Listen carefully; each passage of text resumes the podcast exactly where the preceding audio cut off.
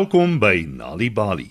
Dis tyd vir 'n storie, 'n tyd waarin ons allerlei plekke besoek en verskillende mense ontmoet.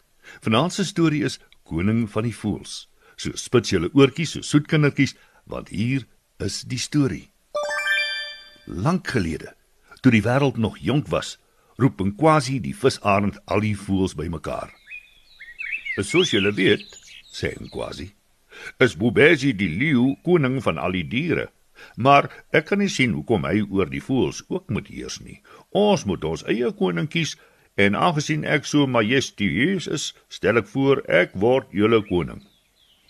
Al die voëls begin chirp en kwetter totdat een stem bo die ander uitklink. Dit is waar, quasi. Jy is majestueus, sê die reuse arend uil Kova.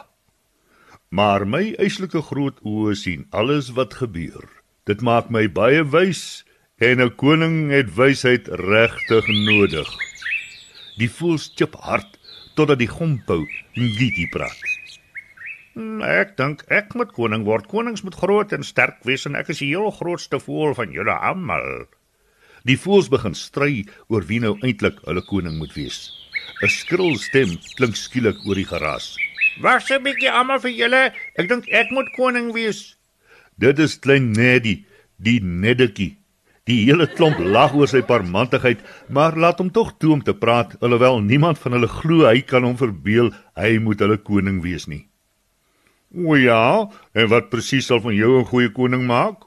vra Nkwasi nadat almal ophou lag het.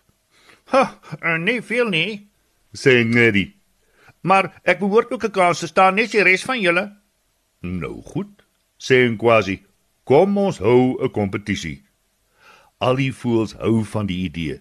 Hulle stem saam dat op die eerste dag van die volmaan, wanneer die son aan die hoogste bergpiek raak, sal hulle almal deelneem aan 'n kompetisie om te kyk wie die hoogste kan vlieg. Die wenner sal dan koning van die voëls word. Die groot dag breek aan en die voëls wag almal geduldig vir die son om op te kom. Hoewel klein Neddy vasberade is om deel te neem, weet hy hy is nie sterk genoeg om hoog te vlieg nie. Maar hy maak 'n plan. Net voordat die voëls begin vlieg, kruip hy stilletjies onder 'n quasi se vlerkvere in. Die visarend is so besig om die son dop te hou dat hy niks agterkom nie. Die oomblik toe die son aan die hoogste bergpiek raak, vlieg die voëls in die lug op. Baie gou word party van hulle moeg en draai om. Net die visarend en die gompou bly oor. Kova die uil val eerste uit. Terwyl hy aarde toe val om te land, vlieg Nkwasi en Ngiti al hoër en hoër. Maar na ruk kan die swaar gompou dit nie meer uithou nie. Ag Nkwasi, roep Ngiti hartseer terwyl hy grond toe swiep. Jy wen! Wee! Skree die visarend triomfantlik. Hy skraap sy laaste bietjie krag bymekaar en vlieg selfs hoër. Maar dan hoor hy skielik 'n stemmetjie wat hom terg. En nie so haastig nie in Quasi. Chip Neddy. Hy skiet onder 'n Quasi se vlerk uit en vlieg geënt hoër as hy. Jy het nog nie gewen nie. Die arme visarend. Hy is te uitgeput om hoër te vlieg. Met 'n kreun swiep hy terug aarde toe. Die ander voëls is woedend oor Neddy se skelmstreek. Die oomblik toe hy op die grond land, storm hulle op hom af, maar voordat hulle enigiets kan doen, glip die klein voeltjie in 'n verlate slanggat in. "Kom uit!" skree al die voëls. Kom kry die prys wat jy verdien. Almal pas die hele nag lank die gat op, maar die bly net waar hy is. Kom ons maak buurte om wag te staan, sê en quasi die volgende oggend. Kova stem in om die eerste skof te doen terwyl die ander gaan slaap of gaan jag. Hy wag 'n hele ruk, maar daar is steeds geen teken van Neddy nie. My oë so sterk sê Kova vir homself. Ek het net een nodig. Ek gaan my regteroog toemaak en my linker een gebruik om wag te hou. Na 'n ruk ruil hy om en maak sy regteroog oop en sy linker een toe. Dit gaan 'n hele ruk lank so aan totdat hy vergeet om een oog oop te hou en vas aan die slaap raak.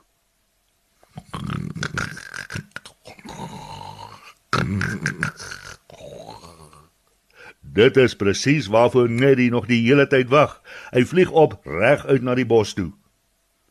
"Jou stommerik," Skreeu quasi wat sien hoe net in die bos verdwyn toe hy Kova kom aflos. Jy het aan die slaap geraak. Kova kry so skaam dat hy besluit om voortaan net snags te jag en bedags te slaap sodat die ander voëls nie kans kan kry om hom te terg nie. Intussen fladder Neddy in die bos rond en gaan sit nooit lank genoeg stil om gevang te word nie. En wie word toe koning? Die voëls is so kwaad vir Neddy dat hulle nooit 'n koning kies nie. Dus is niemand die koning van die voëls nie. Weet jy dat deur tuistories vir kinders te vertel en te lees help om hulle beter te laat presteer op skool? As jy nog stories wil hê om vir jou kinders te lees of vir hulle om self te lees, gaan na www.nalibali.mobi op jou selfoon. Daar sal jy heelwat stories vind in verskeie tale. Jy sal ook wenke kry oor hoe om stories vir kinders te lees en met hulle te deel sodat hulle hulle volle potensiaal ontwikkel. Story Power, bring dit huis toe. Besoek ons op www.nalibali.mobi of kry Nalibali op Facebook en Mixit. Die Nali Bali byla met pragtige stories en heelwat aktiwiteite is beskikbaar in KwaZulu-Natal, Sunday World Engels en isiZulu, Gauteng, Sunday World Engels en isiZulu, Vrystaat, Sunday World Engels en Sesotho, Weskaap, Sunday Times Express Engels en isiXhosa en Ooskaap, The Daily Dispatch Dinsdae en The Herald Donderdag Engels en isiXhosa.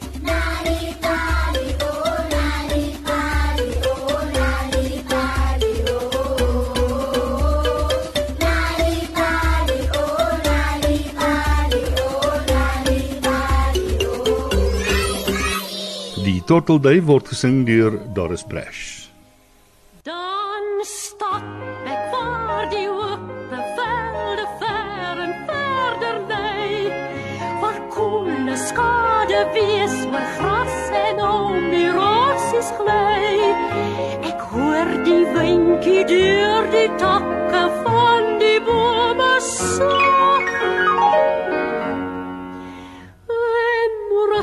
rustig swief 'n tortelduif se koerkoer deur die lug. Die helder hemel buig tot waar die groen tapijt omgroet. Ek ruik die geur van aarde en ek proe die gras is soet. Die wolkies maak 'n agtergrond vir voeltjies en vlug. Rustig swief 'n tortelduif se koerkoer deur die lug. O geras,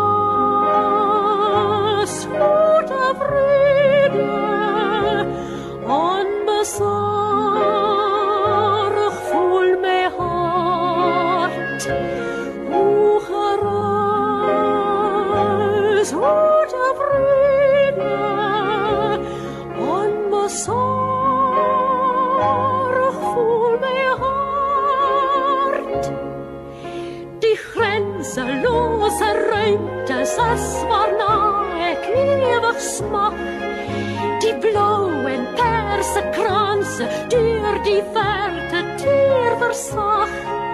Waar wilgerbome staan bejaard met baarde lank en dag.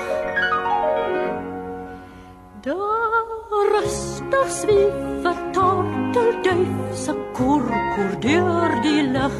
O,